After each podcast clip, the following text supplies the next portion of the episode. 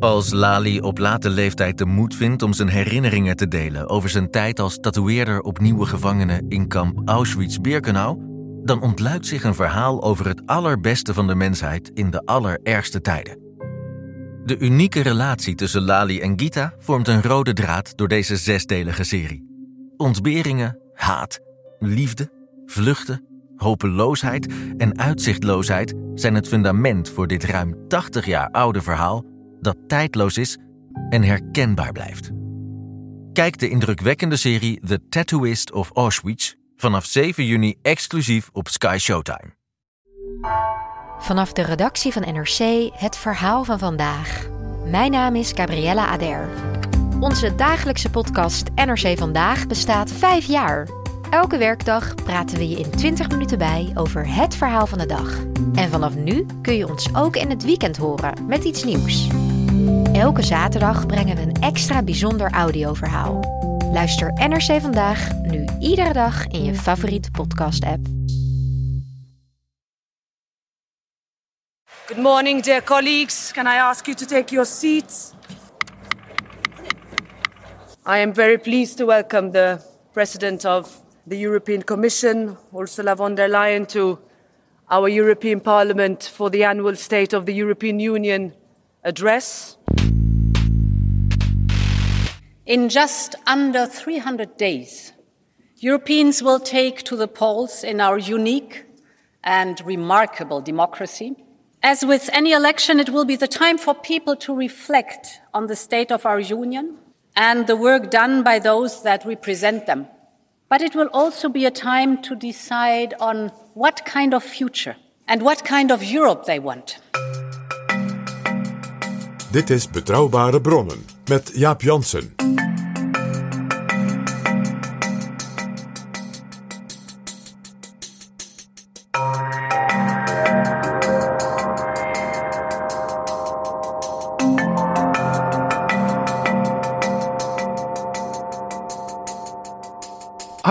Welkom in Betrouwbare Bronnen, aflevering 368. En welkom ook PG. Dag Jaap. PG, in Brussel klonk woensdag de bel voor de laatste ronde. Het laatste jaar is aangebroken van deze Europese Commissie. En van deze Europese parlementaire periode. Want ze hebben allebei vijf jaar te gaan. De verkiezingen waren in 2019. En volgend jaar, in juni 2024, zijn er weer nieuwe Europese verkiezingen. Feitelijk heeft het Europees Parlement en dus ook de Europese Commissie nog maar acht volle maanden te gaan. En het was duidelijk uit de State of the European Union, grote jaarlijkse reden van Ursula von der Leyen. Want dat was de bel voor de laatste ronde. Dat in die acht maanden, of zoals zij zelf zei, we hebben nog 300 dagen, er nog een enorm pakket aan ambities en uitwerkingen van die voorbije vier jaar eigenlijk klaar staat om gerealiseerd te worden. En er vast ook nog, zoals de afgelopen vier jaar, onverwachte crisissen uitbreken die ook weer tot onmiddellijke interventies nopen. Want dat is als je toch even terugkijkt op zeg maar de vier jaar van, ik zal maar zeggen, de commissie von der Leyen en natuurlijk ook van het parlement. Het eerste wat natuurlijk in de geheugen blijft steken, men is overspoeld geweest door de ene grote ja, ook wereldwijde crisis, of het nou de pandemie is of de Oekraïne-oorlog, de energiecrisis die daarmee samenhing. De ene na de andere overspoelde die commissie. En wat je ook verder aan kritische kanttekeningen kan zetten bij zowel het parlement als de commissie. De wijze waarop men het hoofd boven water heeft kunnen houden. Dat dwingt bewondering af. Over wat Ursula von der Leyen afgelopen woensdag zei en hoe je daarna kunt kijken en waar dat vandaan komt, die State of the European Union, daarover gaan we het hebben. En over wat dat betekent voor de Nederlandse nationale verkiezingscampagne en een volgend kabinet. Want één ding uit die reden en ook uit de discussie in het Europees Parlement bleek dat er op een aantal zeer grote terreinen de impact ook op onze eigen nationale campagne zeer aanzienlijk zou moeten en kunnen zijn. Maar eerst, PG, zijn er nog nieuwe vrienden van de show? Ja, Jaap, die zijn er.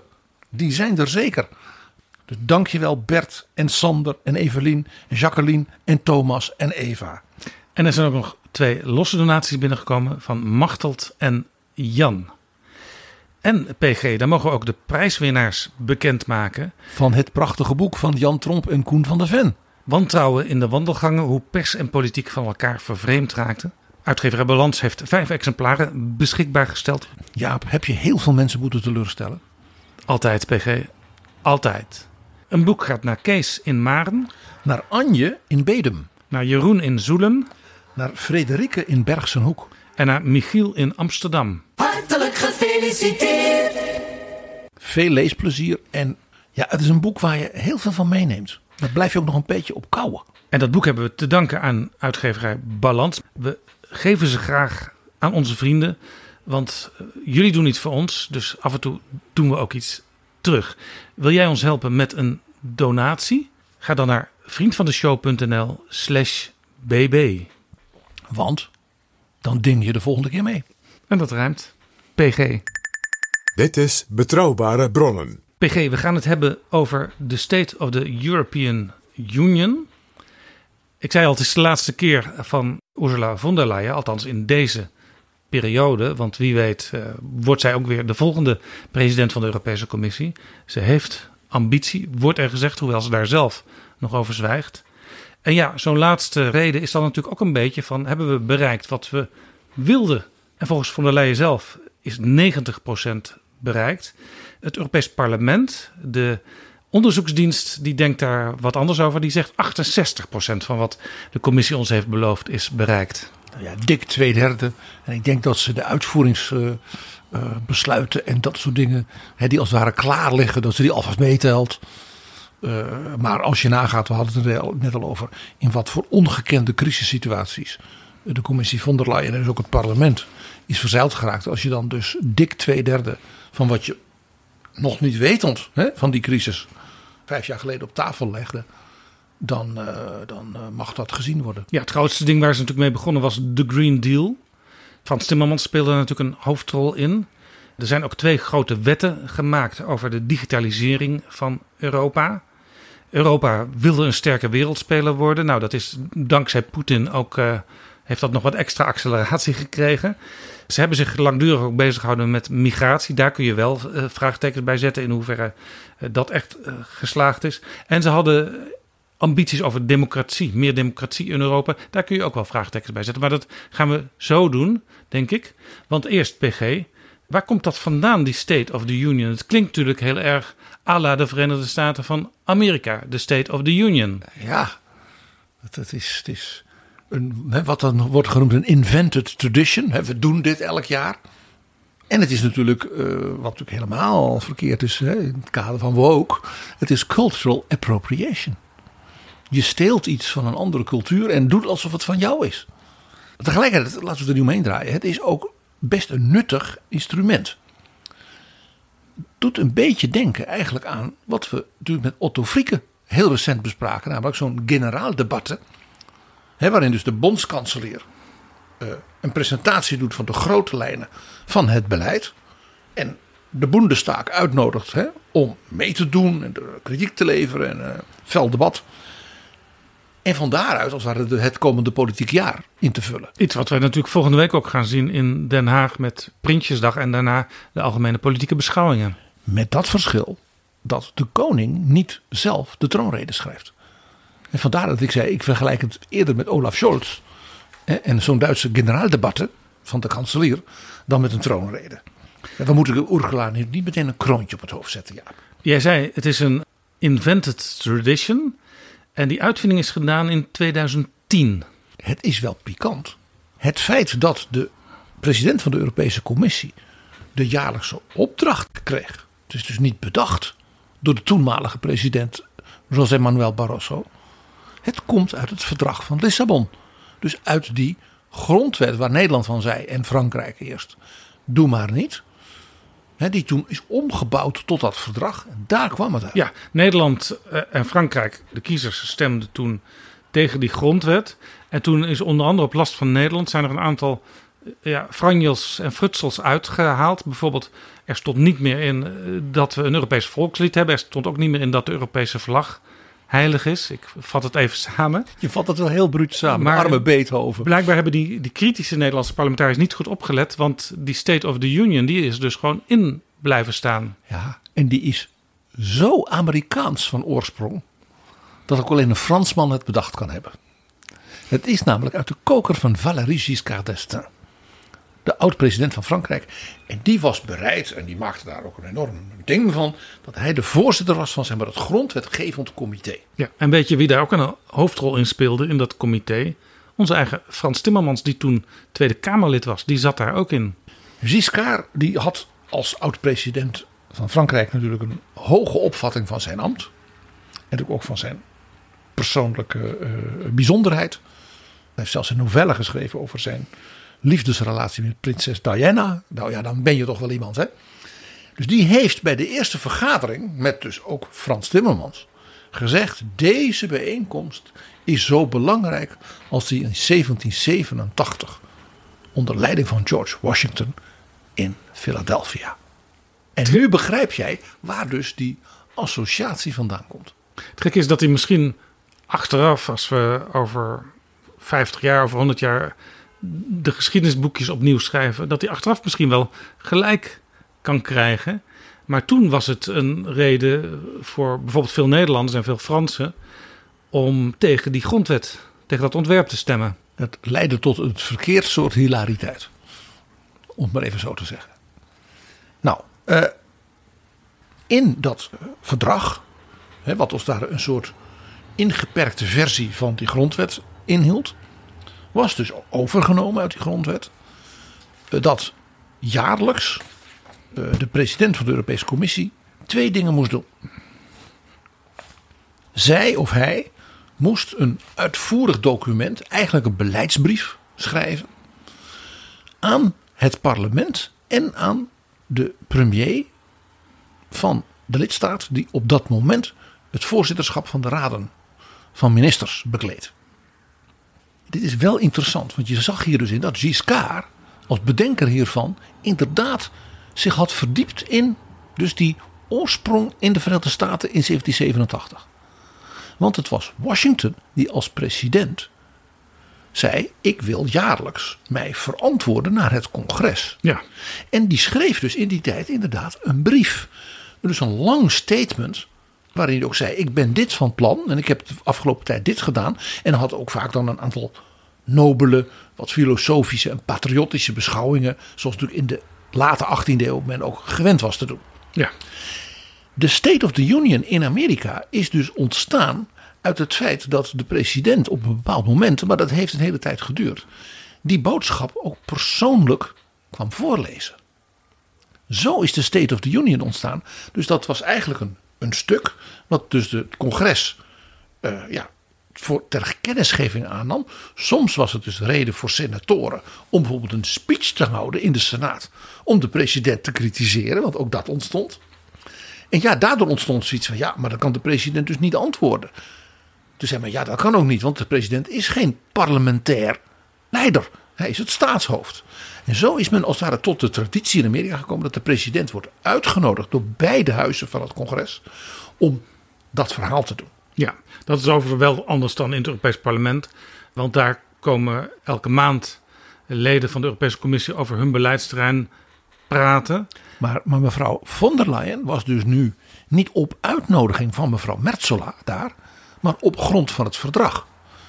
En die brief, interessant genoeg, stuurt ze nog steeds. Dus de speech die ze nu houdt is dus niet een vervanger van die brief, zoals dat als het ware in Amerika na Washington gebruik is geworden. Dus dat ging in in 2009.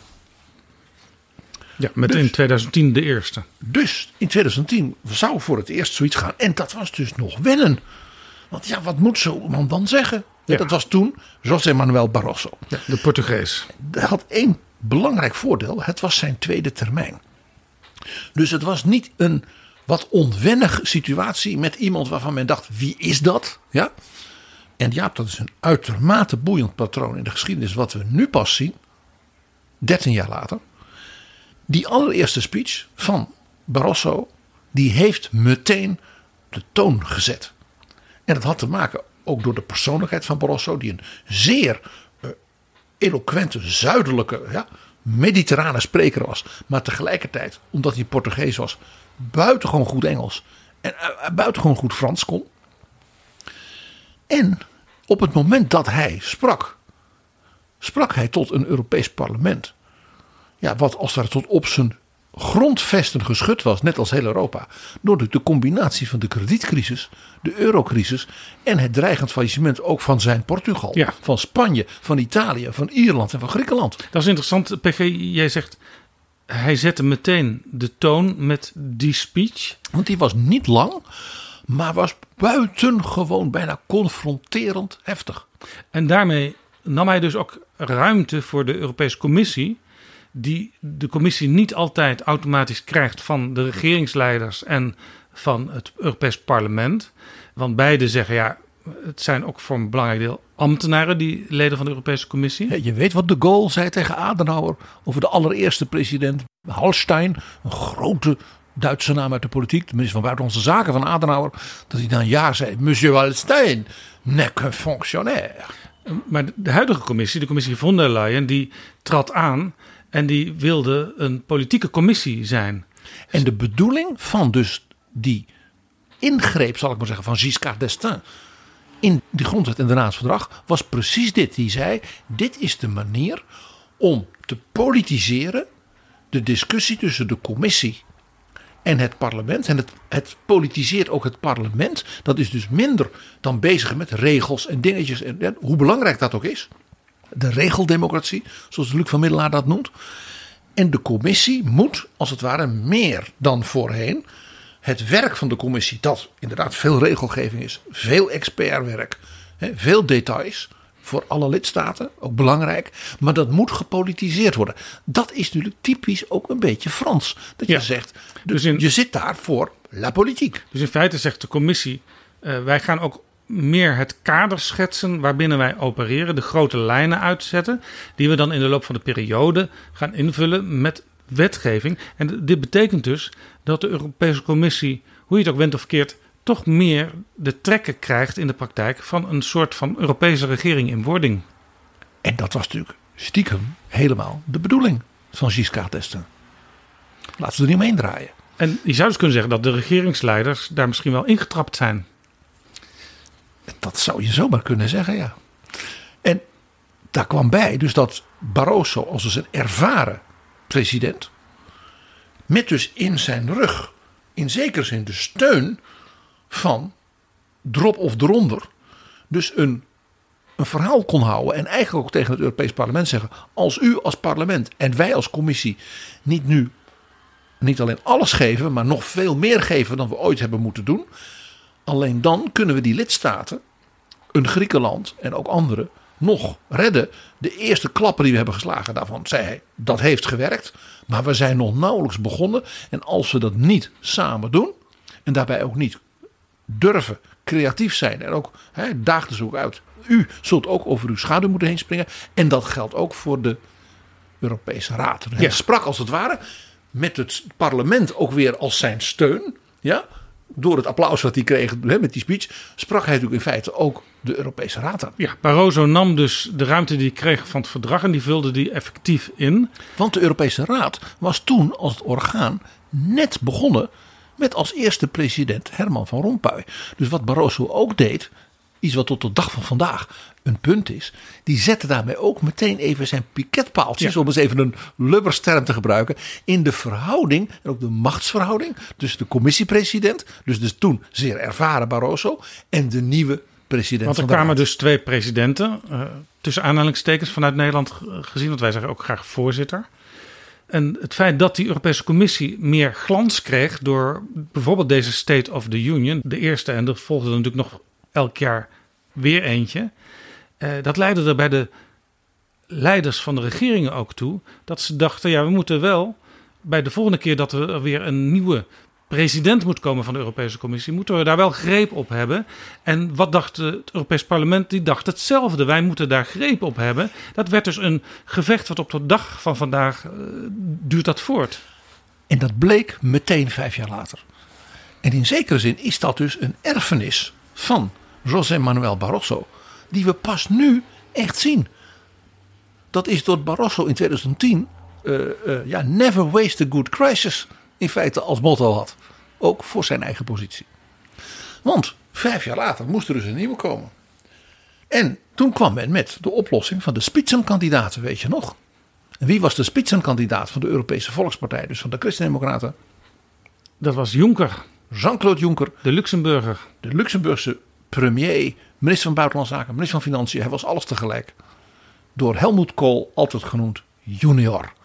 Helmut Kohl zag in hem zijn leerling, zijn junior. Ja, Jean-Claude Juncker was natuurlijk ook grotendeels Duits sprekend. Dus dat, dat... En Frans sprekend en Letsenburgisch en hij kon Nederlands. Hij kon alles. En, en hij was natuurlijk ook de chef van de eurozone. Dus die man met dat kleine landje en zijn ja, soms wat olijke eh, en vrolijke manier van optreden. Daarin zat natuurlijk een politiek dier met een ervaring en een leermeesters, zal ik maar zeggen, zoals weinigen die hadden. Ja, het was altijd al zo, los van de functie die, die hij precies had in zijn eigen land en in Europa. eh, dat als er eh, mensen bij elkaar moesten worden gebracht, als er grote problemen moesten worden opgelost, dat hij altijd betrokken werd bij het idee van hoe gaan we dit, hoe gaan we hieruit komen uit deze crisis. Hij was ook een beetje een soort jongere broer van Jean-Luc Dehane. De, de fameuze Belgische premier met, die, met de bijnaam de loodgieter. Dat kon hij ook. Ja, zoals wij in Nederland natuurlijk nationaal eh, Ruud Lubbers hadden, zo iemand was hij in Luxemburg en vanuit Luxemburg in Europa. Dus hij treedt aan als winnende spitsenkandidaat. En de regeringsleiders hadden zoiets van: laat Jean-Claude dat doen. Dus het parlement dacht: dit is voor ons een triomf. We hebben hiermee de winnaar van de verkiezingen, de lijsttrekker zal ik maar zeggen, die wordt nu de nieuwe commissiepresident. Dat is een precedent. De Ja, regeringsleiders dachten: het is een collega, oud collega van ons. Die wel een beetje nu, zo langzamerhand. Hij heeft al heel lang premier in, Luxemburg, ik geloof wel 20 jaar of zoiets. Hij is hier ook aan toe. En hij kan dit als geen ja, ander. ze dachten dus beide, onze kandidaat zit daar nu. En hij heeft ze natuurlijk ook beide een beetje dat gevoel meegegeven. Ja, en die commissie wordt altijd eh, samengesteld in overleg met de regeringsleiders, met de lidstaten. Daar wordt wel gekeken wat zijn ongeveer zeg maar, de verhoudingen rond het centrum in het Europees Parlement. Dus er zitten altijd Christen-Democraten, altijd Sociaaldemocraten, altijd Liberalen in. En ook, eh, tegenwoordig ook één of twee of drie Groenen. En soms nog eh, iemand anders. En daarmee was Juncker ook meteen, doordat hij dus bij beide segmenten zeg maar, support had, iemand die een doorbraak regelde, wat Barroso nog niet had kunnen doen.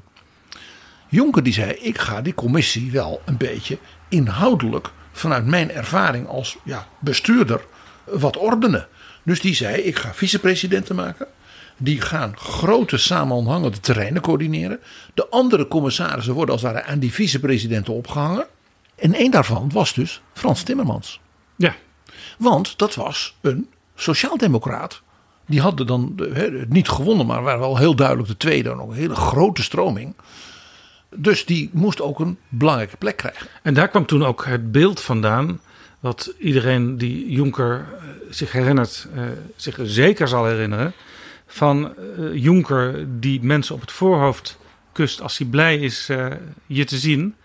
En ja, degene die het meest zag, dat was in die periode Frans Timmermans. Dus die moest dat lot het vaakst ondergaan. Ja, er zijn erg veel foto's van Frans Timmermans. Die wordt gezoend door Jean-Claude Juncker.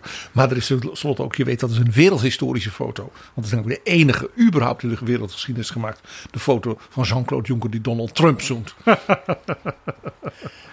en Juncker overkwam hetzelfde als Barroso. Namelijk dat hij zag dat hij een kans had. Dus door het ordenen van die commissie. En hij bedacht dus ook dat elke commissaris een brief van hem kreeg. Met daarin, dit ga jij doen wat mij betreft, binnen deze kaders. En dan moet je vooral met die collega's en met het parlement moet je daarover Een praten. beleidsbrief die dus ook meteen openbaar werd bij het verzenden aan die kandidaat-commissaris. En het parlement was dus verrukt dat Juncker dat deed. Want bij de hoorzittingen hadden ze nu voor het eerst dus een document van de president. Waarbij dus die nieuwe commissarissen meteen gevraagd worden. En kunt u dat? Gaat u dat doen? Zo'n brief is er zelfs nu voor Wopke Hoekstra. Die is ook al te vinden, die brief. En eh, de commissie, waar Wopke Hoekstra binnenkort gehoord wordt... die gaat inderdaad dan aan Wopke vragen... eh, dat klimaatbeleid, eh, hoe staat u daarin? Wat zijn uw eigen ervaringen daarin? Wat is uw invloed daarin geweest? Ze gaan ongetwijfeld elementen van de speech van Ursula von der Leyen, die we straks dan ook juist ook op dit punt nog eens even zullen uitkammen, Jaap, daar gaan ze hem mee confronteren. Uh, heel leuk, en voor Hopke Hoekstra denk ik niet eens zo gunstig, is dat deze dagen de andere nieuwe eurocommissaris, een, uh, de mevrouw uit Bulgarije, uh, die had zo'n hoorzitting. die volgde Maria Gabriel op. en dat, jonge dat heeft ze goed doorstaan. En zij schijnt met ongeveer algemene stemmen en met applaus uh, uh, zeg maar, begroet te zijn na, aan het eind van die hoorzitting. Die vrouw, en dat, dat is een, bijna een tweede Maria Gabriel, qua persoonlijkheid, maar ook qua know-how. Dus die is met nou ja, vliegende vaandels uh, door het parlement gegaan. Ja, dat gaat, gebeurt niet altijd zo. Soms moet een kandidaat nog een keer terugkomen. Dan vindt er een tweede gesprek plaats. Het feit dat dat dus nu niet gebeurde, maar dat zij aan het eind echt met applaus en dus Ursula von der Leyen heeft ook een hele enthousiaste felicitatie, uh, tweet en met, uh, met dus ook weer die brief en dit is wat jij gaat doen. Ik heb zelf het idee dat dus de zeg maar, wat meer oppositionele fracties uh, deze Bulgaarse mevrouw extra enthousiast ja, en positief hebben benaderd. Om vervolgens die andere nieuwe kandidaat van mevrouw von der Leyen extra scherp dus, dus, dus mocht men nu zich tevreden over de buik strijken, dan is dat absoluut onterecht. Ik denk dat Ursula von der Leyen, dat is een zo ervaren politica, dat die stiekem denkt: ik wou dat ze iets minder enthousiast hadden geklapt voor de Bulgaarse mevrouw, want ik ga dat betalen bij Wopke Hoekstra. PG, jij zei net, de toon was gezet bij die eerste reden, die, die reden door Barroso. En vijf jaar later kwam Juncker. Wat deed Juncker? Nou, die kon ten eerste presenteren. Ik heb een veel grondiger gereorganiseerde commissie. Dus minder bureaucratie. En die bureaucratie in Europa krijgt nog een topper. Nou, mijn eerste vicepresident, Frans Timmermans. Die mocht dat gaan regelen. Die mocht de bureaucratie opruimen. Maar er was nog iets. Op dat moment was natuurlijk in volle omvang uitgebarsten de vluchtelingencrisis vanuit Syrië en ook vanuit Afghanistan. Ja, dat was die periode die uiteindelijk voor Angela Merkel, de bondskanselier in Duitsland, eh, ertoe leidde eh, dat ze zei: Ik kan dit niet langer aanzien, kom maar naar Duitsland. Wij gaan niet mensen uh, die in Budapest en in Wenen stranden, want dat was wat er aan de hand was. En die landen kunnen dat niet aan. Dan gaan wij niet als Duitsers zeggen: ja, dan hadden ze ze moeten tegenhouden. Wir schaffen das. Ja, wir schaffen das. Wat eh, wel ook leidde tot een ander begrip in het Duits, eh, wat je zelfs nog wel eens in Nederlandse debatten nu hoort. Er was toen sprake, vinden critici nog steeds nu, van een welkomenscultuur. Ja, terwijl dat bedoeld was als heel positief. En ook zo, zeker in die eerste maanden in Duitsland, met grote solidariteit en enthousiasme werd beleefd. Maar Juncker gebruikte, ook net als Barroso, een door en door ervaren man in het Europees overleg als premier. Uh, die situatie om echt nou ja, de noodklok te luiden. Want hij heeft gezegd ten eerste, die vluchtelingencrisis. We kunnen van alles nu tegen elkaar gaan zeggen. En we hebben regels en dit en dit en dit. Niets daarvan is in zekere zin relevant. We zullen het met elkaar moeten rooien. Dus Europa staat voor een gigantische solidariteitsvraag. En dat is een solidariteit. Niet alleen ook met die vluchtelingen. Natuurlijk. Ook met het volk in Syrië. Hij misschien komen er nog wel veel meer. Echt, echt heel dramatisch. Hij zei dat is niet uit te sluiten. Maar we moeten ook solidair zijn met de grenswachten in Hongarije. Die ook niet weten wat ze. En de solidariteit die de Duitsers nu tonen. Is ook iets waar we de Duitsers ook in moeten aanmoedigen en steunen waar dat nodig is. En dat leidde er dus toe dat de Europese leiders en de Europese parlementen, ook nationaal, uh, voor het eerst ook eh, het als een Europees gezamenlijk probleem gingen zien. En dus ook dachten wij moeten dit op een bepaalde manier ook samen gaan proberen op te lossen. Maar Juncker gebruikte nog twee enorme crisisdingen. Om in die speech, als het ware, het niet alleen over vluchtelingen en migratie en dat soort dingen te hebben. Want hij haalde enorm uit naar Poetin. Hij heeft in die speech gezegd: als Europa na MH17 en de Krim en die oorlog daar. Ja, en maar 17 was, toen net, gebeuren, was toen net achter de rug. Dat was een jaar daarvoor gebeurd. Als je die speech leest, Jaap, die is profetisch. Ik heb er geen ander woord voor. Hij zegt, als wij als Europeanen bij die sancties niet heel duidelijk laten blijken, dit menen we. Want jullie gaan, dit moet stoppen. dan weten we niet waar dat eindigt. Die speech is werkelijk zeer de moeite waard om te lezen. Ja, dat was dus ook best wel dapper van Juncker zelf. Zeker uh, gezien het feit dat hij als een soort ja, broertje van, van de Duitsers werd, werd gezien. En de Duitsers die natuurlijk toch wel traditioneel altijd een hele goede band ook met Moskou koesterden. Ja, hij, hij ging dus echt aan de buitenkant hangen. In de zin van waarschuwen. En ook zeggen, dit is net als met de vluchtelingencrisis. Waarbij hij ook nog natuurlijk hintte dat een belangrijk deel van die vluchtelingencrisis nu te danken was aan het duo Poetin-Assad. Laten we nu mee draaien. Dus dat was heel gedurfd dat hij die Krim, MH17 en Oekraïne, dat hij die verbinding zag. Ja. Vandaar dat ik zei profetisch verhaal. En dat was nog een tweede punt. Hij zei, we zijn, hoewel vijf jaar later, nog niet helemaal, echt niet door die eurocrisis heen. Griekenland is nog een drama. En we, we doen ons best. Maar het is niet ondenkbaar dat die vluchtelingencrisis nu tot zo'n economische klappen gaat leiden. Dat als het ware we een vervolg krijgen, omdat we de eurocrisis nog niet helemaal hebben opgelost. Ik lees voor wat hij toen zei. Our European Union is not in a good state. There is not enough Europe in this union. And there is not enough union in this union. En net als Barroso zette hij daarmee natuurlijk meteen ook weer de toon voor zijn vijf jaar. Wij gaan met een strakkere organisatie van de commissie en de middel op wij werken, scherper aan de wind varen met een aantal crises en eigenlijk ook al een element van geopolitieke crisis die op Europa afkomen. En dat was nog, zoals die vluchtelingen, dat stond ineens aan onze grens. Het overkomt ons. Dat zat daar nog in. Vijf jaar later hield Ursula von der Leyen haar eerste State of the Union. Zij kon het natuurlijk hebben toen over de Green Deal. Die uh, ja, natuurlijk in heel Europa moest worden uh, ingevuld en geïmplementeerd. Er zat dus een overeenkomst met de speech van Juncker. Namelijk, wij gaan een groot, ja, dwars door heel Europa, de hele commissie, al ons werk, trekkend thema doen. Dat is klimaat- en energietransitie. En daar heb ik een vicevoorzitter voor, Ede Frans Timmermans. Maar inmiddels was de COVID-19-crisis uitgebroken, de coronacrisis. De speech van von der Leyen was dus net als die van Barroso en die van Juncker ook weer een stormbal die gehezen werd over iets dat je had als wij als Europeanen hier niet samenwerken, elkaar ook ja, het beste gunnen en ook alles voor elkaar over hebben, dan gaan we er dus allemaal aan. Dus het beeld van, van die speech was ook het beeld van Ursula von der Leyen en al die aanwezige Europarlementariërs en commissarissen met mondkapjes. Ik lees voor. The people of Europe are still suffering. It's a period of profound anxiety for millions who are concerned about the health of their families, the future of their jobs, or simply just getting through until the end of the month. The pandemic and the uncertainty that goes with it is not over, and the recovery is still in its early stage. En deze crisis, die werd natuurlijk ook, zoals eigenlijk elke crisis in de Europese Unie, aangegrepen om uh, meteen een aantal nieuwe dingen op touw te zetten. Ik noem Next Generation EU, wat zij dus in die speech voor het eerst aankondigde, 750 miljard. En wat was de bedoeling van die Next Generation EU?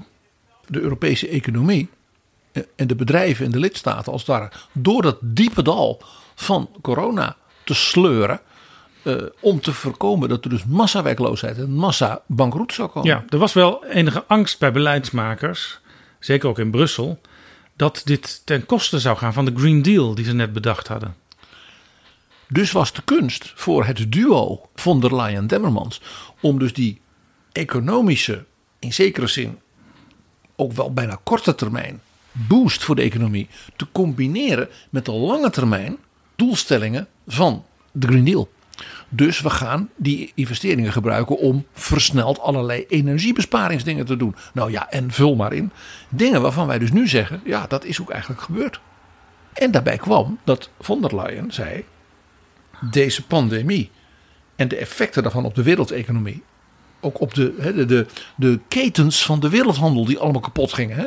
Daarvan zei zij, als het nu iets duidelijk is, dan is dat dus dat we een Europese commissie moeten hebben die geopolitiek denkt.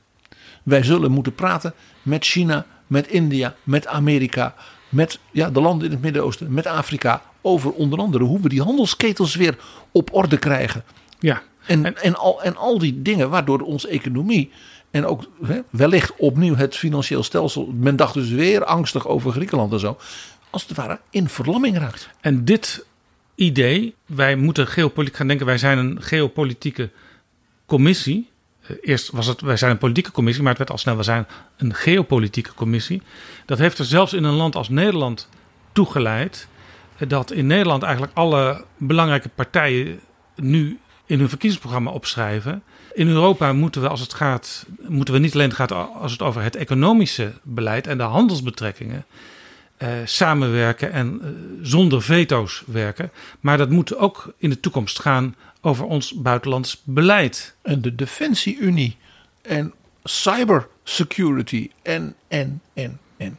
En zelfs eh, voorzichtig ook al het zorgbeleid eh, moet in Europa meer gecoördineerd worden, waar het vroeger helemaal niet gebeurde.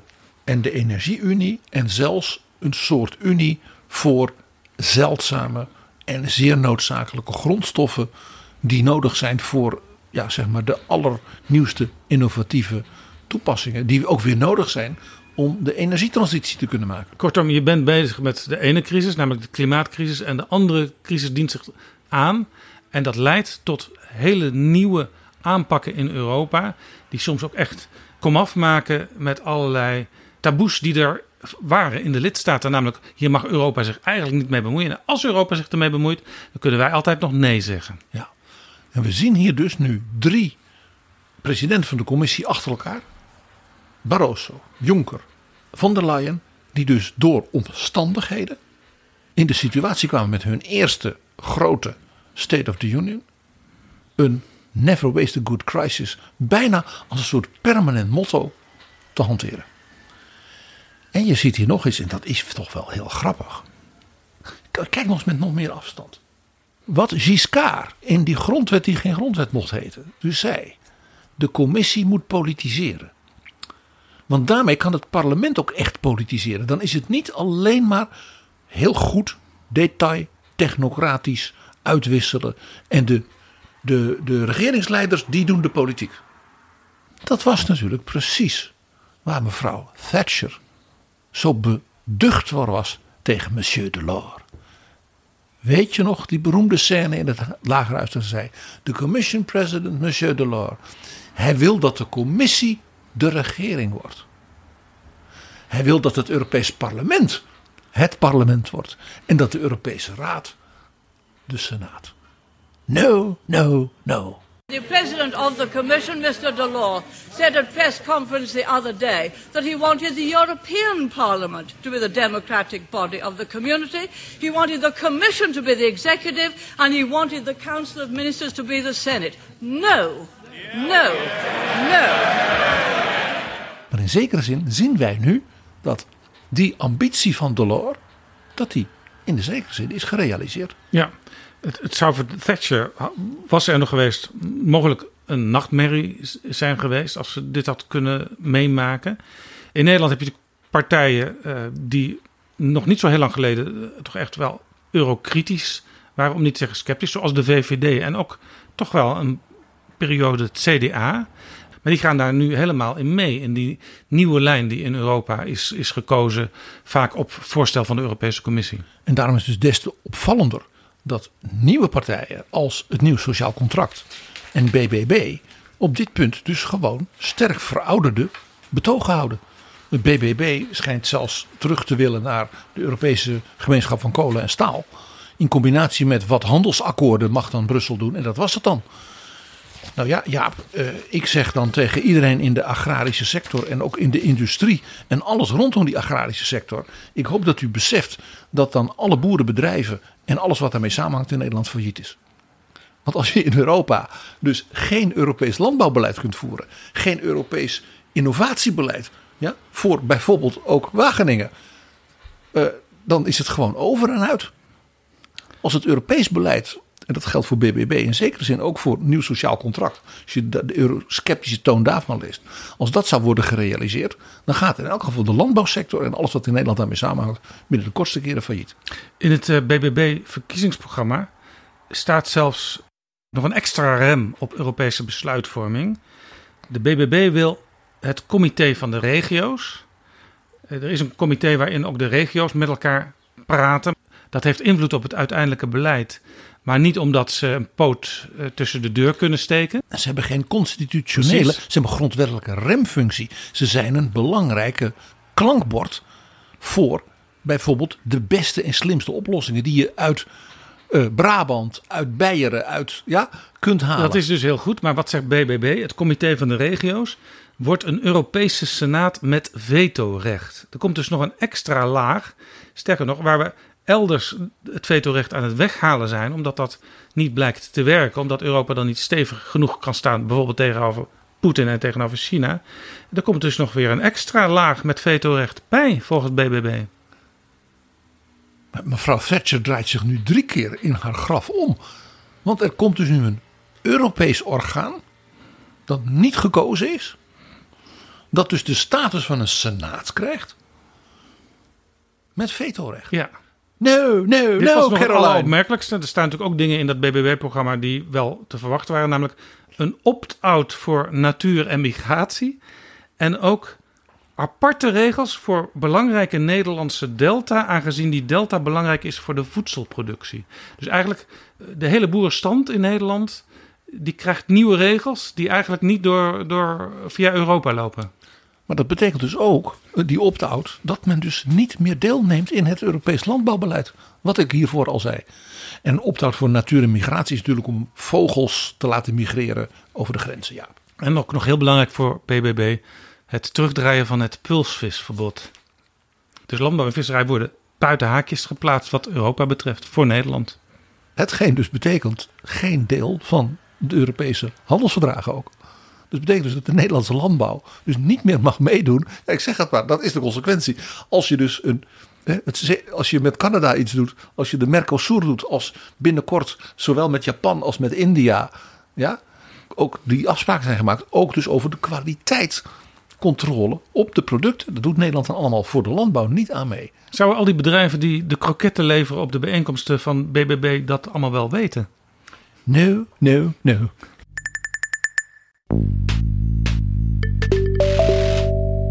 Dit is Betrouwbare Bronnen, een podcast met betrouwbare bronnen. PG, wat we zien is dat nationale regeringen de commissie eh, hebben gesteund de afgelopen jaren. En zelfs vinden dat besluitvorming soms nog wel wat sneller mag in Europa. We hadden het net over BBB, die eigenlijk de klok toch weer terug willen draaien als het gaat over het landbouwbeleid. Sterker nog, eh, we waren rijk geworden mede door die Europese landbouwsamenwerking. Eh, misschien eh, voelde Ursula von der Leyen wel een beetje nattigheid toen ze haar speech aan het schrijven was. Want toen ik haar woensdag beluisterde, hoorde ik haar ineens uitgebreid waardering uitspreken voor de boeren die ons dag na dag van voedsel voorzien. Jaap, daar zag je ook weer hoe buitengewoon, mag ik het zeggen, machiavellistisch, in de goede zin van het woord, afgewogen deze speech in elkaar zat. Het was namelijk het gedeelte waarin mevrouw von der Leyen ineens van taal veranderde. Want ze sprak op te beginnen Engels in haar speech. Uitvoerig in het Engels. En ineens ging ze over op het Duits. En dat begon met een gloedvol betoog over de culturele diversiteit in Europa. Onze culturen, onze talen, onze, hoe prachtig dat is. En daarin is de natuur van Europa niet minder een voorbeeld van veelvoud. En ze zei dus de biodiversiteit van Europa is zoiets als onze culturele diversiteit. Onze muziek, onze talen, zegt ze. En de, zegt dus de, de dieren, de natuur en de producten van hè, de cultuur van de mensen, die zijn allemaal in Europa dus van veelvoud. Maar dat is opvallend, want eh, zij noemt dus de natuur. Eh, Laten we nou juist in Europa heel veel gedoe hebben gehad de afgelopen maanden over de Natuurherstelwet. In het bijzonder vanuit de fractie waar mevrouw von der Leyen politiek, zeg maar, qua familie toe behoort. De Christen-Democraten en Conservatieven. En waarvan het eh, Duitse blok weer heel erg dominant is. En het was dus geen toeval dat ze dit wat zoetige en lievige groene natuurverhaal over onze Wälder. Ze heeft het over, de, over das Wattenmeer. Heeft ze, dat. ze wijst erop dat de Oostzee het grootste brakwatergebied op aarde is. En dus natuurlijk helemaal Europees is. Hè, van Estland en Finland hè, tot Denemarken. Ja, maar toen kwam het addertje onder het En gras. toen kwam het addertje. Want, toen zei ze... Zij zei ook, eh, het is belangrijk de natuur te beschermen. En dat moet hand in hand gaan met onze landbouw. Want onze boeren, hè, zo was het verhaal, dat zijn de beste natuurbeheerders die er natuurlijk in de wereld zijn. En dit is de enige manier om voor de toekomst onze voedselvoorziening veilig te stellen. Biodiversität und Ökosystemleistungen sind für alle Menschen in Europa überlebensnotwendig. Der Verlust dieser Natur zerstört nicht nur die Lebensgrundlage, sondern auch das Heimatgefühl von Menschen. Wir müssen sie schützen.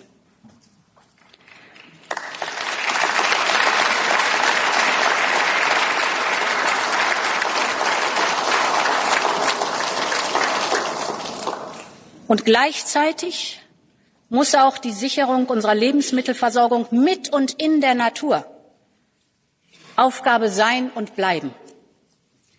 Ich möchte heute unseren Landwirten meine Anerkennung aussprechen.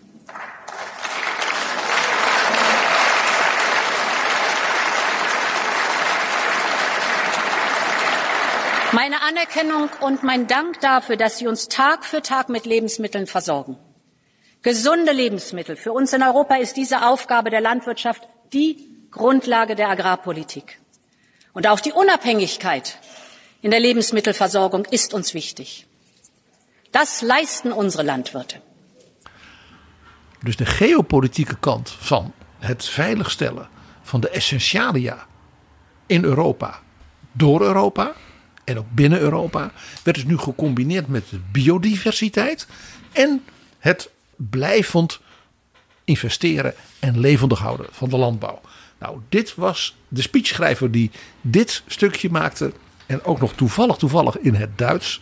Die verdient natuurlijk wel een klein eh, eh, medailletje van mevrouw von der Leyen. Dat zat wel heel knap in elkaar. Ja, Van der Leyen stelde voor, heel concreet, om een dialoog te starten over de toekomst van de landbouw in de EU. En dat was voor de fijnproevers een dingetje. Want ik zag onmiddellijk de eerste reacties van mensen die dus, ik zal maar zeggen, de codewoorden die hiervoor gebruikt worden. Bijvoorbeeld Bas Eickhout, de Nederlander die in het Europees Parlement zit namens GroenLinks. Die zei ja, een dialoog met boeren, eh, dat ken ik uit Nederland. Want daar hebben we al een hele tijd een verlammende dialoog over de stikstofaanpak. Oh, dus Bas Eickhout denkt, Johan Remkes komt naar Brussel. Om met Jacques van der Tak Europa en Mark van de Oever Europa om de tafel te gaan zitten. Ja, Ik denk niet dat dat is wat Ursula von der Leyen bedoelt. Nou ja, ik dacht ook, eh, we moeten natuurlijk sowieso kijken naar het landbouwbeleid voor de toekomst. Want in de speech ging het op een bepaald moment ook over, zeer uitgebreid zelfs, over de uitbreiding van de Europese Unie. Dat dat toch iets is waar we heel goed naar moeten kijken. En dan moeten we ook niet te veel treuzelen. En je kunt Oekraïne niet bij Europa houden zonder een gigantisch moderniseringsplan van juist de landbouw voor dit meest vruchtbare deel al sinds eeuwen en eeuwen en eeuwen van Want Europa. zodra Oekraïne lid is van de Europese Unie en er verandert niks aan het huidige landbouwbeleid, met name aan het subsidiebeleid, dan wordt meteen het landbouwbudget verdubbeld. Dat kan dus niet. Dat betekent dus dat als Oekraïne in de bestaande verhoudingen landbouwsubsidies zou krijgen als waren zij de zeer hoog ontwikkelde, ook technologische boeren, zoals hier in Nederland, of de keuterboertjes in de Alpen in eh, eh, Beieren, eh, dat dan er geen geld meer was voor de boeren in Spanje, in Italië, in Frankrijk en in Nederland en in Duitsland. Zo hard is het dan.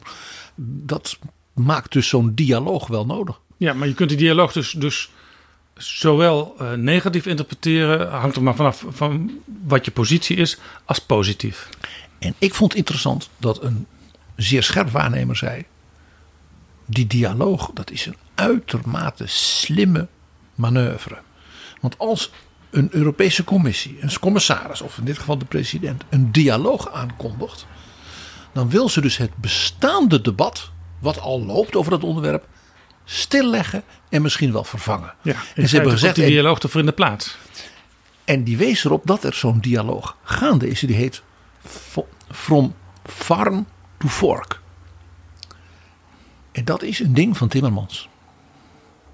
Dus zij heeft hiermee op een hele behendige manier een element van het beleid van Timmermans, waarmee hij dus als het ware de agrarische sector beïnvloedde, eigenlijk geprobeerd een beetje land te leggen. Ja, dat is het beleid wat in Nederland vertaald is als van boer naar bord.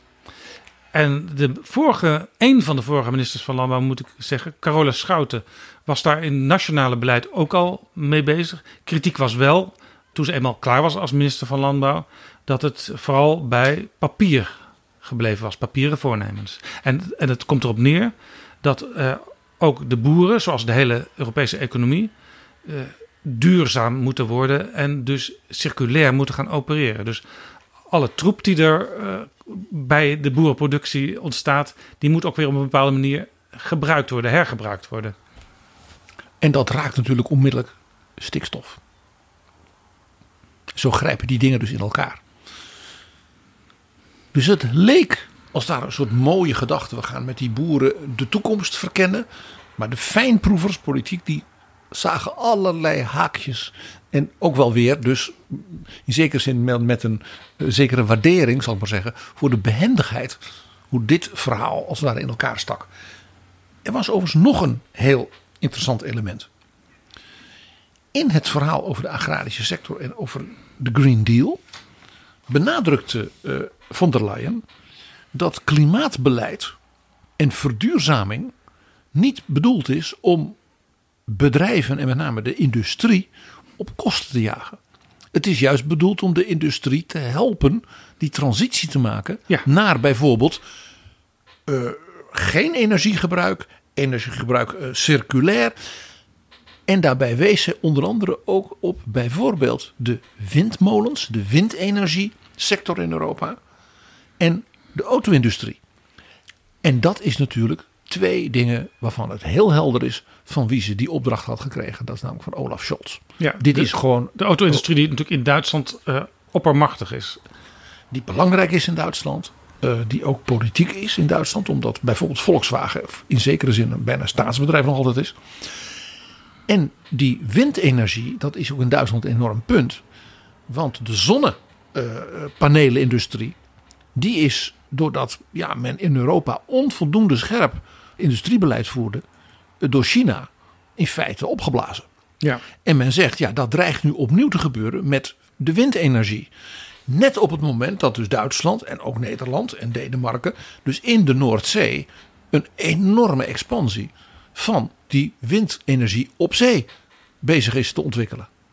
Ik vond het heel opvallend dat werd gezegd: de Green Deal is dus een Green Deal voor industrie en dus ook voor duurzame groene industrie, zoals wij bespraken onlangs met Olaf van der Gaag en Henry Bontebal, en is dus niet het soort bestrijden van de industrie omdat die vies is of zo. Ja, ik moest ook denken toen ik dat woensdag hoorde aan dat gesprek met, met Bontebal, die in het gesprek met ons benadrukte, uh, je hebt de industrie nodig. Dus je kunt niet zeggen, het moet allemaal van vandaag op morgen. Bijvoorbeeld uh, die discussie nu over de uh, fossiele subsidies tussen aanhalingstekens. En de discussie over Tata Steel. Tata Steel, waar trouwens Bontebal wel echt mee, mee worstelde. En we zien het deze dagen ook bij Rob Jetten.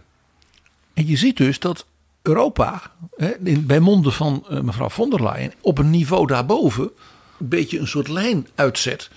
Waarvan ik zeg, uh, ja, we hebben het er zelf wel over. Dit heeft direct consequenties voor het debat rond de verkiezingen, de Tweede Kamer straks en het kabinet straks. Ja, en nog een reden waarom ze die industrie zo, zo eigenlijk zo oppijpt in die speech, is dat we in Europa die industrie natuurlijk extra nodig hebben uh, om sterk te staan tegenover bijvoorbeeld China, die uh, langdurig hebben gepoogd de afgelopen jaren om echt een enorme voet tussen de deur te krijgen in Europa. Uh, sterker nog, wij hebben in het verleden natuurlijk industrie verplaatst naar China en naar andere landen in Azië. En we denken nu dat is misschien net iets te veel van het goede geweest, want we moeten onze eigen industrie koesteren.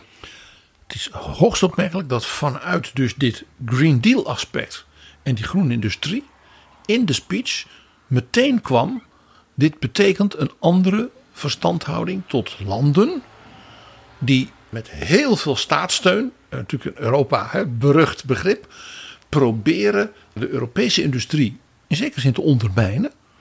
Om dan vervolgens als ware die kennis in dat land binnen te houden. En daar dus zijn positie op de wereldmarkt te versterken. En dan denk je, oh, dat is interessant. Het is een soort Europe First politiek.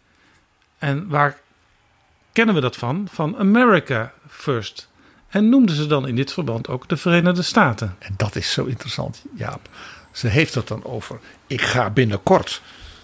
Uh, komt er een grote summit van de EU met China. Die noemden ze.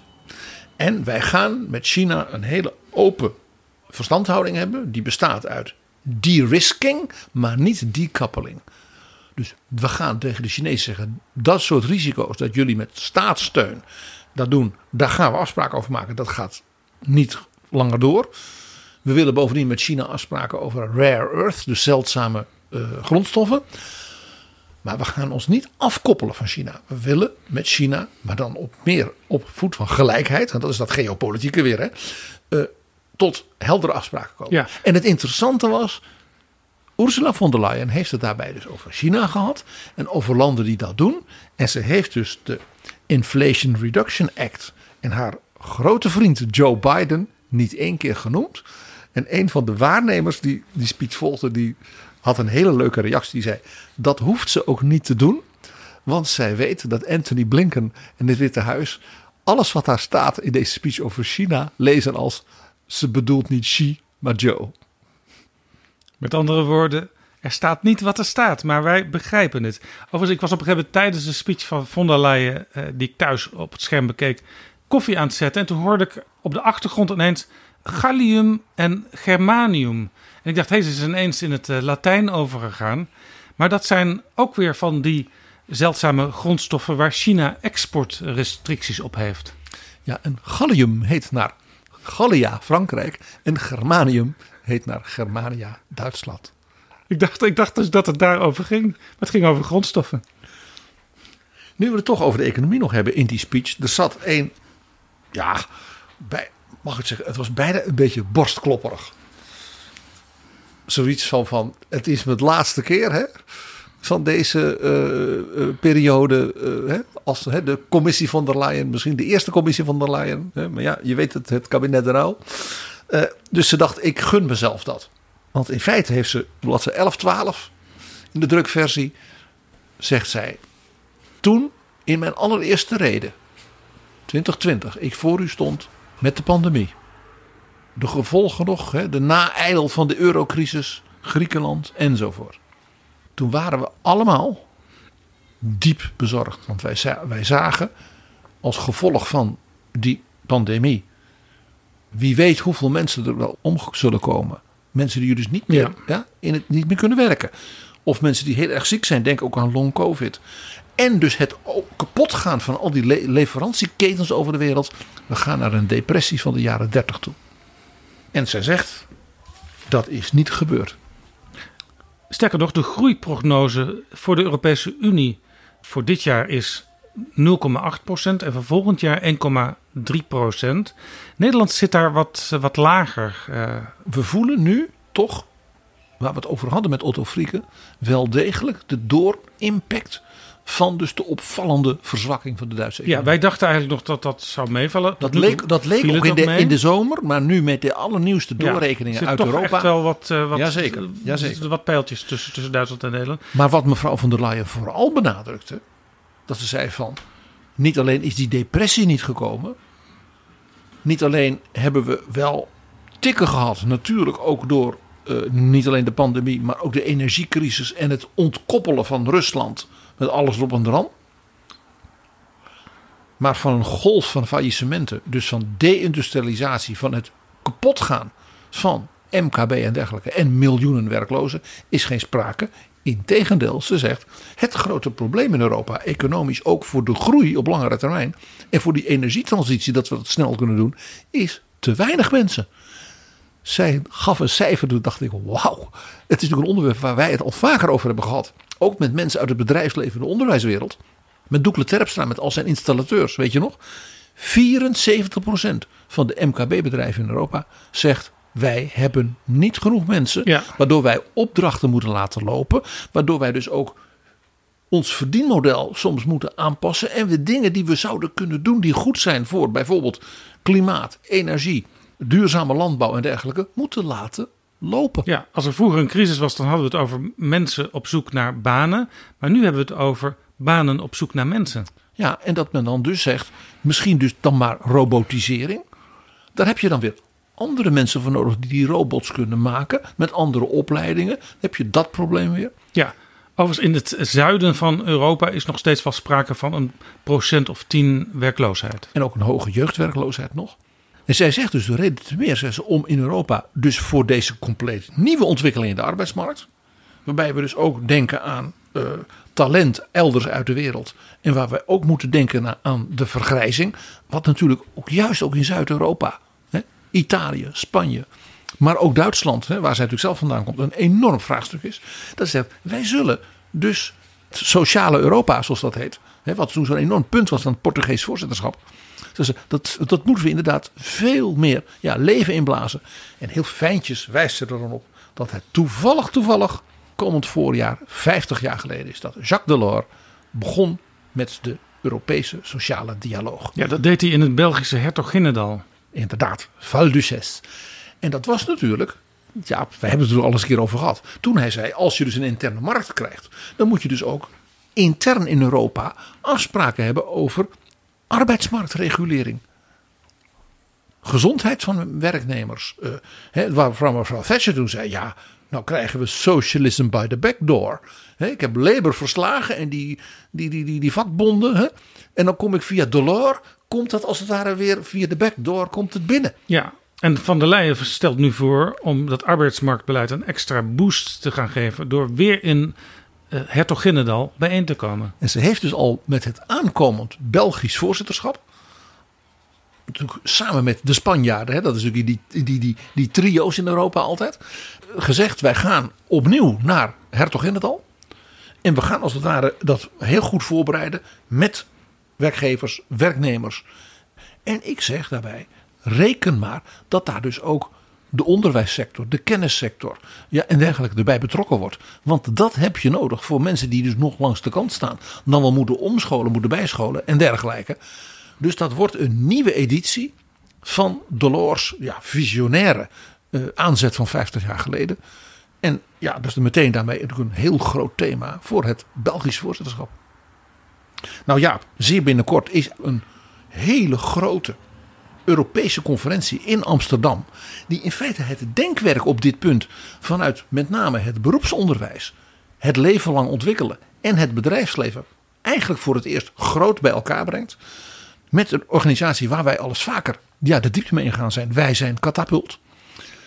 En uh, nou ja, Jaap, wij zijn daarbij. Het platform Talent voor Technologie. Ja, en wij zijn daarbij. En ik hoop dat het ons lukt om daar een, op dit grote thema, ook in deze ja, toekomstgerichte speech van mevrouw von der Leyen, uh, een aantal heel interessante mensen te spreken. Af en toe hoor je in betrouwbare bronnen een advertentie, maar vaak ook niet. En dat is jammer, want we hebben graag meer adverteerders. Want ook daarmee houden we betrouwbare bronnen online. En als jij nou werkt bij een organisatie of een bedrijf waarvoor het misschien best nuttig kan zijn om bij ons te adverteren, neem dan contact op. En je bereikt via betrouwbare bronnen heel veel jonge mensen met grote maatschappelijke politieke belangstelling en natuurlijk de decision makers van Nederland en in Brussel. Stuur een mailtje aan adverteren@daganacht.nl en dan neemt de reclameafdeling van Betrouwbare Bronnen, ja ja, neemt dan contact met je op. Adverteren apenstaartdaganacht.nl.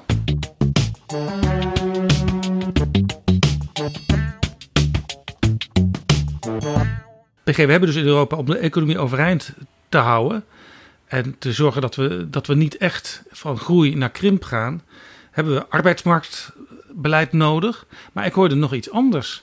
Ik hoorde haar op een gegeven moment weer de bekende zin uitspreken: whatever it takes. En dat was geen toeval, Jaap. Dat, je, zag ook dat het parlement uh, bijna een beetje begon te lachen, omdat ze onmiddellijk begrepen wat hiermee bedoeld werd.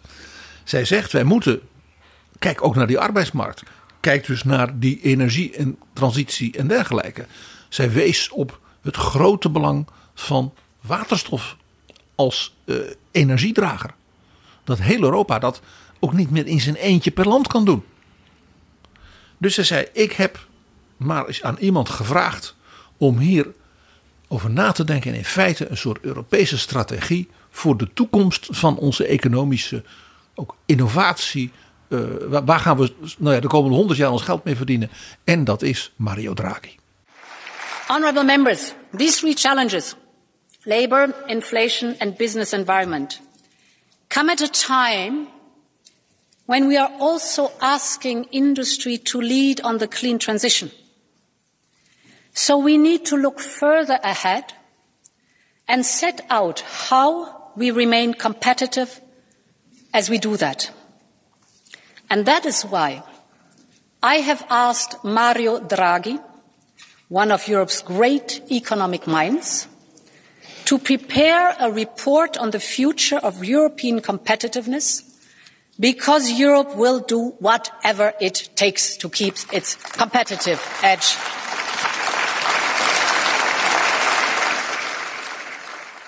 Whatever it takes, Mario Draghi. De bankpresident die met die woorden destijds ingreep in de, in de eurocrisis en eh, daarmee meteen ook voldoende vertrouwen kon wekken, waardoor we uit die crisis gekomen zijn. Wat hij noemde zijn big bazooka. En dit is natuurlijk op een andere manier buitengewoon slim. We weten allemaal dat Draghi in feite als een soort uh, supervisor functioneert voor de economie, maar ook voor de Europese Commissie wat betreft de uitvoering van de grote investeringsplannen in Italië. In opdracht van president Mattarella.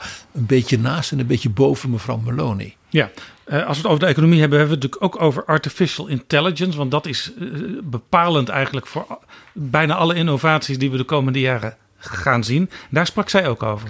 Dat was heel interessant, want zonder de zijn naam te noemen, nam zij in feite de denklijn van Henry Kissinger over. 100 jaar en nog altijd blijkbaar.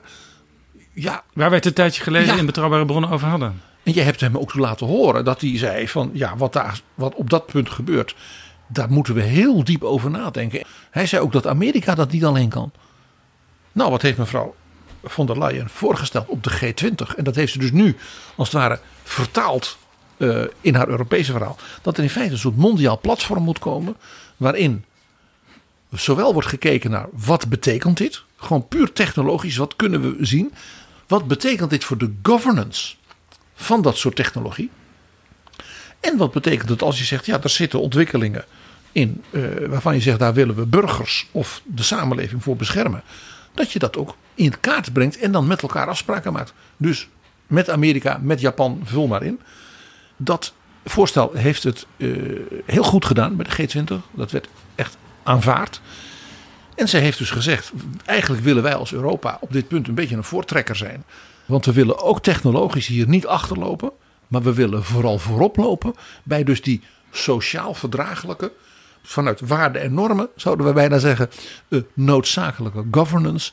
En dus ook de dialoog daarover met het betreffende bedrijfsleven. Ja, dit sluit natuurlijk ook aan op de twee grote digitaliseringswetten die al door Europa behandeld zijn de afgelopen tijd. Ja, ik zat te denken dat onze gast ooit, uh, Roberto Viola, dat die zal wel gedacht hebben van, ik krijg er nog een paar klusjes bij. Hè? PG, vorige week zagen we de G20 en die vond plaats in India. En India is natuurlijk ook een land waar we vanuit Europa naar moeten kijken en echt rekening mee moeten houden tegenwoordig als het om economische kracht gaat. Ja, mevrouw von der Leyen heeft ook daar ter plekke met premier Modi als het ware een soort laatste ronde in gang gezet van het uh, maken van een heel groot soort vrijhandelsakkoord met India. Dat was ook de reden waarom premier Rishi Sunak opnieuw geheel met lege handen terugkwam naar Londen. Ja. Want Modi heeft opnieuw de truc die hij al tegen Theresa May heeft uh, geprobeerd toen, nu op Sunak losgelaten. Laat ik zeggen van, ja, dat is toch prachtig. We zijn met Europa, hè? we zijn zo goed bezig. En jullie kunnen zo aansluiten. Dus Sunak kon weer onverrichte zaken naar huis. Ja, zij noemde overigens uh, nog wel meer handelsakkoorden die er wat haar betreft aan zitten te komen. Onder andere noemden ze ook opnieuw Mercosur. Mercosur, dat heeft ze ook heel nadrukkelijk opgenomen met de volgende voorzitter van de G20, namelijk president Lula van Brazilië. Inderdaad, een geopolitieke commissie. Maar het meest spannende vond ik van de G20 in India voor Europa was eigenlijk de volgende grote stap van met name het werk van de Finse eurocommissaris. Die is al de chefin van de Global Gateway. Dat is in feite het antwoord van Europa op de zijderoute. Richting de landen in het Midden-Oosten, in Azië, in Afrika. Daar is in India in een soort co-productie van Modi met mevrouw von der Leyen een tweede zijderoute geformuleerd. Maar dan met India? India, Midden-Oosten, Europa. En ja, kijk even op de wereldkaart. Dat is dus een alternatief rivaal ja, voor China. Maar is ook een manier om dus in feite om Rusland heen te bewegen. En daar zitten dus landen bij als India, de Emiraten doen mee, Saoedi-Arabië doet mee, Turkije doet mee.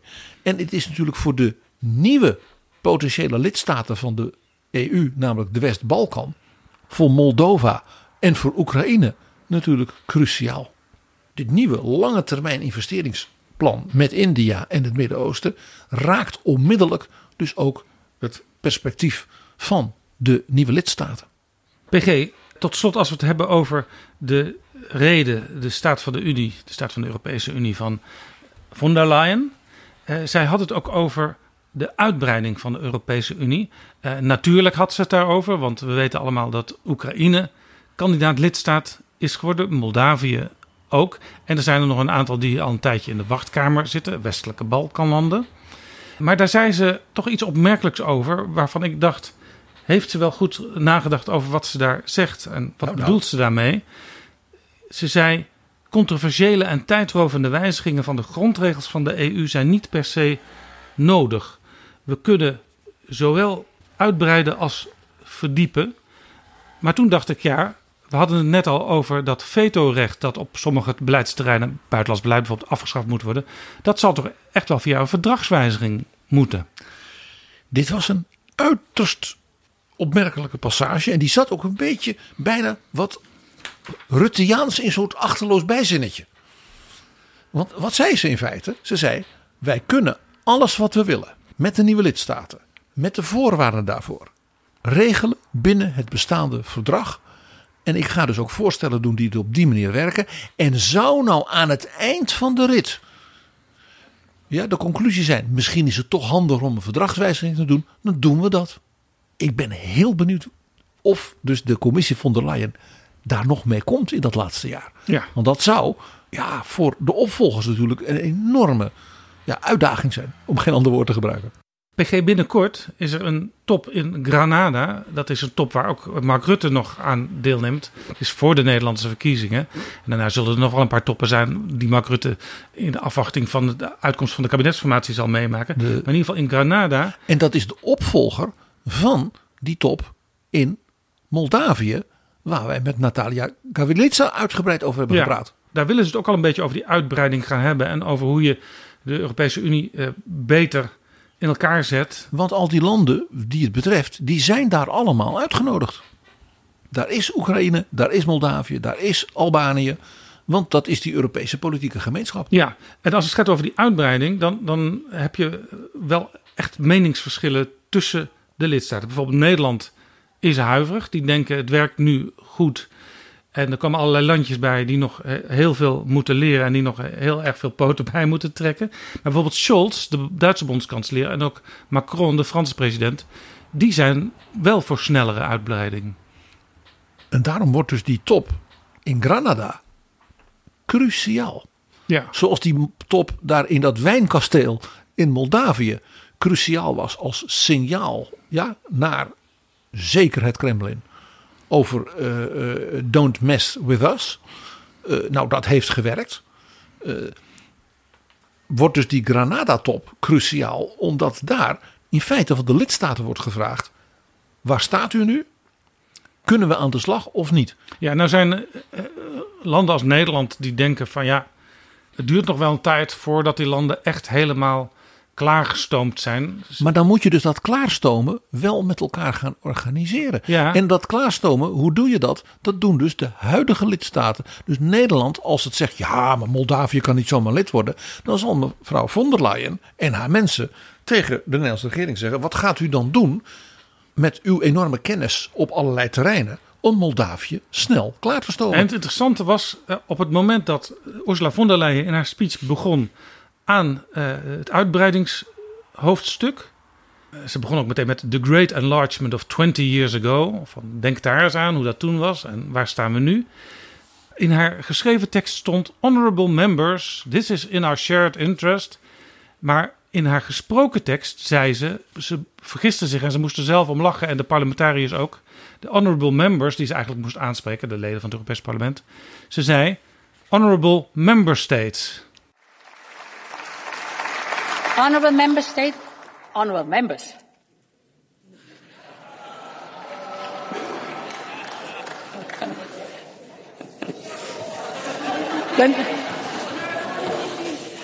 the next sentence is this is on our shared interest Parliament, Member States, and Commission. this is in our shared interest. Think, just think about the great enlargement of 20 years ago. We called it the European Day of Welcomes. Honorable Member States. Want die lidstaten die moeten natuurlijk bepalen welke landen erbij komen. En juist ook met de, de ambassadeurs van de lidstaten heeft Ursula von der Leyen in de voorbereiding van haar speech nog uitgebreid zitten praten de afgelopen weken. Maar het was dus een verspreking, want ze dacht dus even niet aan al die Europese parlementariërs die daar voor haar zaten, maar aan de member states. Het was dus eigenlijk Diermark. Ja, nou, nou hoorde ik dat er in de boezem van de Europese Commissie eh, gewerkt wordt aan een plan wat misschien het probleem enigszins kan oplossen. Van zijn die landen wel op tijd klaar? Charles Michel heeft onlangs gezegd in 2030 verwacht ik wel dat de, de landen waar we het nu steeds over hebben kunnen toetreden. Nou, landen als Nederland die hebben daar hun vraagtekens bij. Er wordt nu een idee uitgebroed in de Europese Commissie en dat komt waarschijnlijk over een week of twee komt dat naar buiten. Dat landen misschien niet volledig hoeven toe te treden, maar gedeeltelijk. Dus op de hoofdstukken, zoals dat in Europa heet, waarop ze al gekwalificeerd zijn. Bijvoorbeeld, ik noem landbouw. Dat zal misschien dan meteen niet voor Oekraïne gelden. Maar wel voor de wijnbouw van Moldavië. maar bijvoorbeeld ja. uh, digitalisering. Kan best dat een lidstaat al digitaal klaar is. Uh, dan ga je op, op dat front al meewerken binnen de Unie. Onthoud, Jaap, dat dit model helemaal niet raar is. Oekraïne is al heel actief in bijvoorbeeld het Europees samenwerkingsproject van die conferentie van het het platform Talent voor Technologie en Catapult. Want die doen al lang mee in Ja. die beroepsonderwijs. En- Ze doen al mee in Erasmus. Ze doen al mee. En voor zover Europa over defensie gaat, kan Oekraïne daar meteen ook aanschuiven. Eh, nou ja, de, de, een, van de, de, een van de activiteiten die mevrouw von der Leyen noemde op dit terrein. was dat Europa versneld ja, in het kader van een defensieunie gaat zorgen voor ammunitie voor Oekraïne. Dan kun je maar beter ervoor zorgen dat ze snel meedoen. Dus er kon wel eens een heel pragmatisch een soort deelaspecten lidmaatschap ontwikkeld worden. eh, wat in feite, ik zou bijna zeggen, legitimeert wat in de werkelijkheid al lang gebeurt op grote terreinen. Hoi, ik ben Alexander Klupping. Ik weet dat jij, net als ik, met heel veel plezier luistert naar betrouwbare bronnen. Maar je zou Jaap en PG echt helpen als je nu vriend van de show wordt. Dat kan met een donatie per maand of per jaar. En dan kunnen ze nog veel meer afleveringen maken en zeg nou zelf, dat wil jij ook. Dus ga nu naar vriendvandeshow.nl slash bb en doe het niet straks, maar nu. PG, tot slot, we hebben in Nederland natuurlijk verkiezingen op 22 november. als je zo'n speech hoort, dan luister je ook altijd even extra met een Nederlands oor. Wat betekent dit voor ons? Nou heb ik goed geluisterd en ik hoorde eigenlijk maar één Nederlands ding in die speech. En dat was de Waddenzee. Die werd genoemd als een prachtig Noord-Europees natuurgebied. En dat was in dat mooie Duitsstalige gedeelte. Dit voor alle Duitse toeristen. Dan zal burgemeester Ineke van Gent binnenkort weer heel wat nieuwe mensen kunnen verwachten. Nou Jaap, ik heb vier punten uit die speech waarvan ik dacht... Ja, eigenlijk moeten de media die zeggen we willen een diepgang. Weet je nog? Willen een ideologisch debat vanuit het midden. Dat moet over inhoud gaan. Nou, dan heb ik vier inhouden uit deze speech. Dat ik zeg, ik zou het daar maar eens over hebben. De eerste, die noemde ik al. Mevrouw von der Leyen zegt: Ik ga door met de Green Deal van Frans Timmermans en van mijzelf en van de hele commissie. Maar we moeten het evenwicht met ontwikkelingen als het stikstofvraagstuk. De energietransitie, hebben we daar genoeg mensen voor? Het ontwikkelen dus van die groene industriepolitiek. En dus ook landbouw en natuur in evenwicht daarbij wel in ogenschouw nemen. En dat dus niet als losse hoofdstukken of losse silo's van elkaar ontwikkelen. En ik dacht, dat lijkt me voor de Nederlandse discussie van en hoe gaat Nederland daar dan op insteken, uh, niet oninteressant. Zeker als een belangrijke figuur daarbij de nieuwe eurocommissaris uit Nederland is. Dus misschien een klein bruggetje ook naar partijen als BBB en NSC. En misschien zelfs naar de Partij voor de Dieren. Ja. Als die straks mee gaan doen in de kabinetsformatie. Maar die zullen dan moeten leveren. Of zij dat of ze alleen maar voor die belangen staan en voor geklaag uit de regio. Of dat ze, laat ik zeggen, deze meer evenwichtige visie, ja, of ze daar iets mee kunnen. Ja, wat hoorde je nog meer wat voor Nederland van belang is? Nou ja, heel interessant was natuurlijk, uh, mevrouw von der Leyen heeft het natuurlijk gehad over grensbewaking, migratie en dergelijke. Dat was heel interessant. Zij verbond dat in het Franstalige deel van de speech met de grote klimaatveranderingen. En dat was dus onmiskenbaar bedoeld, ik zal maar richting Afrika. En Frankrijk en Afrika. Het feit dat de Afrikaanse Unie nu lid is van de G20. En dus ook meedoet in die Global Gateway. Dat benadrukte zij. Dat ze zei, die manier van kijken geldt ook voor hoe we Afrika helpen. Ja. En het interessante was dat ze natuurlijk zei, we gaan dat allemaal doen en dit en dat. Maar het was in haar speech helemaal niet een soort grote alarmistische crisis. En we staan op instorten en wat dan niet. Eerder nog zat er iets in, we zullen bij de demografie ook moeten kijken naar het feit dat Europa dus te weinig mensen heeft, te weinig talenten heeft. We zullen dus de allerbeste uit heel de wereld misschien in Europa willen moeten opleiden. Dus misschien wel een klein steekje onder water naar Nederland, waar natuurlijk het kabinet gevallen is op het uh, asiel- en migratiebeleid. Aan de andere kant dacht ik, kijk, dat migratiebeleid. Er is in 2020 een migratiepact gesloten binnen Europa, binnen de Unie. Uh, maar nog steeds niet alle landen werken daar heel hard aan mee. Uh, dus dit is gewoon een beleidspunt wat nog niet helemaal geslaagd is. We zagen natuurlijk onlangs van der Leyen ook samen met Mark Rutte in Tunesië om die Tunesië-deal te sluiten. Daar wees ook op dat je er niet omheen kunt met de buurlanden van de Unie tot afspraken te maken. En vandaar dus dat het ook in het Frans was, gericht op Frankrijk en dus Noord-Afrika en, en de rest van Afrika. En die Tunesië-deal, daar is lang niet iedereen nu positief over. Sterker nog, ik hoorde onlangs van Timmermans zelfs in Nieuwsuur daarover zeggen dat, dat hij die zo niet gesloten zou hebben. En daarom was het dus interessant dat mevrouw von der Leyen zei van... ja, wat had u dan gewild dat ik deed? Want dat was wat ze in feite zei tegen de linkerzijde in het Europees parlement. Zo van, het is misschien een beetje makkelijk om mij te kritiseren... dat ik met Mark Rutte en mevrouw Meloni... ja, dan maar zeggen, nou, we gaan gewoon met die mensen praten. We moeten kijken of we iets kunnen doen. Ze gaf eigenlijk impliciet aan, natuurlijk is dat niet volmaakt, nee. Is dat land volmaakt? Is die president volmaakt? Echt niet. Wat hoorde je nog meer, PG? Voor Nederland? Ja, dat zij, zij, uh, wij zullen geopolitiek volwassen moeten zijn. En dat betekent dus dat we dingen in Europa samen moeten doen die we echt niet meer alleen kunnen. En dat geldt, wat ik al zei, het, het verhaal over Afrika, het verhaal over China, het verhaal over die zeldzame grondstoffen, cyberwar tegenover Poetin, tegenover Iran. Ja, en dit, dit zou de Rutte zoals wij die de afgelopen twee jaar kenden heel goed begrijpen. Ehm, maar misschien niet de Rutte die we in de jaren daarvoor kenden, die soms ook wat op de rem trapte als het ging uh, om sommige aspecten van Europa. Voor en na Chopin. Dus dit is misschien ook wel een bericht aan de nieuwe premier in Nederland die we nog niet kennen. Nee, maar ook dus een bericht, een bericht aan partijen wier programma's puur nationaal zijn. Alleen maar met Nederlandse dingetjes en dingen in, in het binnenland bezig zijn. En dan aan het eind van hun programma, oh ja, ook nog een hoofdstuk internationaal in Europa. Ja. En dat sprak nu weer heel helder hieruit. En natuurlijk heel interessant. En heel, voor Nederland heel interessant en opbeurend is natuurlijk haar verwijzing naar de 50 jaar sociale dialoog van Delors in Europa. In feite de herwaardering van de polder. De herwaardering, misschien ook door de oorlog in Oekraïne en de, de grote vraagstukken van als we het niet samen rooien, dan gaan we er apart één voor één allemaal aan. Ja, waarbij je dus wel die kanttekening nog een keertje moet plaatsen. Die Bas Eickhout erbij zetten. Eh, als dat maar er niet toe leidt dat we weer zo ontzettend sleazy uh, allemaal om tafels uh, gaan zitten.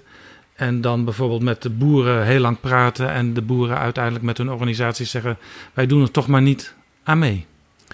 Ik zou bijna tegen Bas Eickhout zeggen: laat hij eerst eens in Europa vaststellen bij welke groepering in Europa zijn nieuwe partij van GroenLinks en PvdA samen gaat behoren. Ja, dat is een goeie, want Bas Eickhout, dat weet ik, die hecht erg aan de groene samenwerking binnen Europa. En die heeft ook wel eens gezegd: ja, ik zie mij en mijn partij toch eigenlijk niet bij de Sociaaldemocraten aanschuiven. Dus voordat hij anderen bekritiseert, eerst even je eigen huiswerk doen, beste Bas. En dat debat moet toch in GroenLinks en ook in de Partij van de Arbeid na de Tweede Kamerverkiezingen gevoerd worden. Want dan zijn we al aardig op weg naar de Europese verkiezingen. Met andere woorden, PG, het wordt een heel apart laatste jaar. Ik zei in het begin van de aflevering al eigenlijk maar acht maanden effectief voor de Europese Commissie. Op weg naar de nieuwe verkiezingen in Europa. En voor het parlement, Jaap. Het is de, die speech was niet alleen voor de Commissie. Het is de brief aan de regeringsleiders en aan het parlement. We krijgen dus in juni van het komend jaar een geheel nieuw Europees parlement. Dan hebben we al een geheel nieuwe Nederlandse Tweede Kamer. We hadden net ook al een nieuwe Nederlandse Eerste Kamer. We hebben dan misschien rond die tijd ook een nieuw Nederlands kabinet, mag je hopen.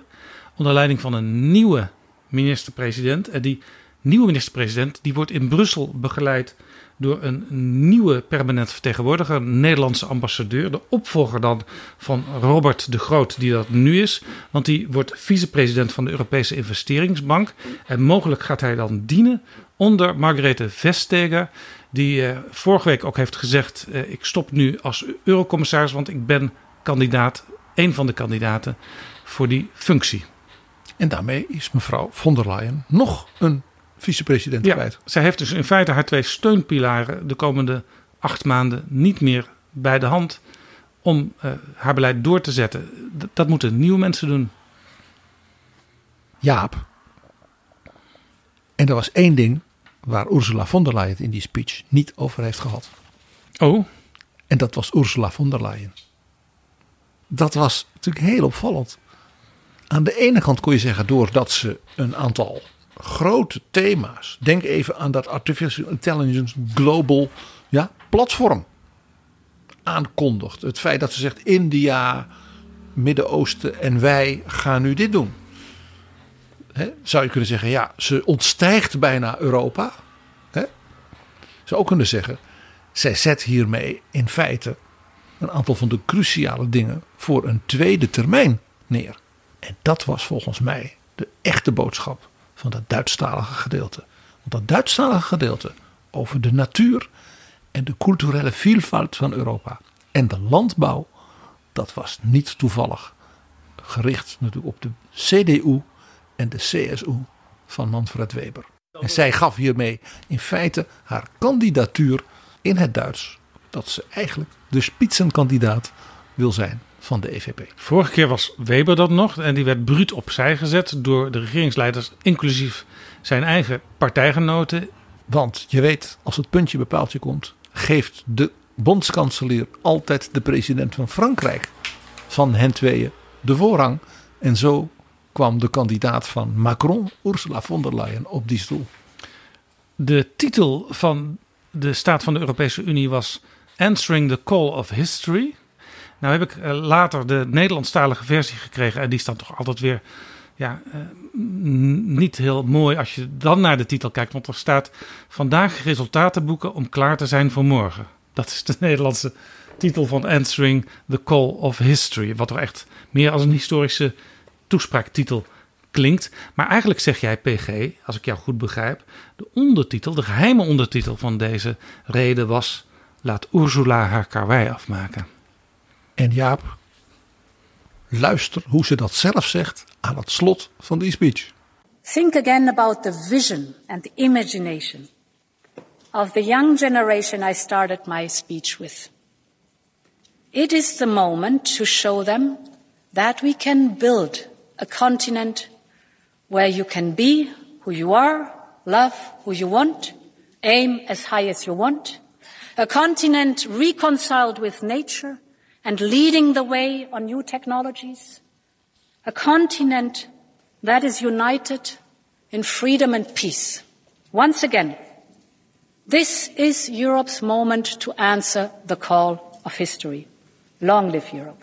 Thank you. Ursula von der Leyen. Dankjewel, PG.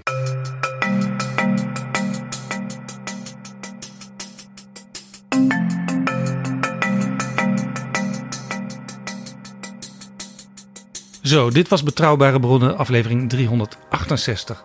Deze aflevering is mede mogelijk gemaakt door de vrienden van de show en door anderen die ons voorzien van donaties. Groot, maar ook klein, altijd fijn. Wil jij ons ook helpen? Ga dan naar vriendvandeshow.nl slash bb.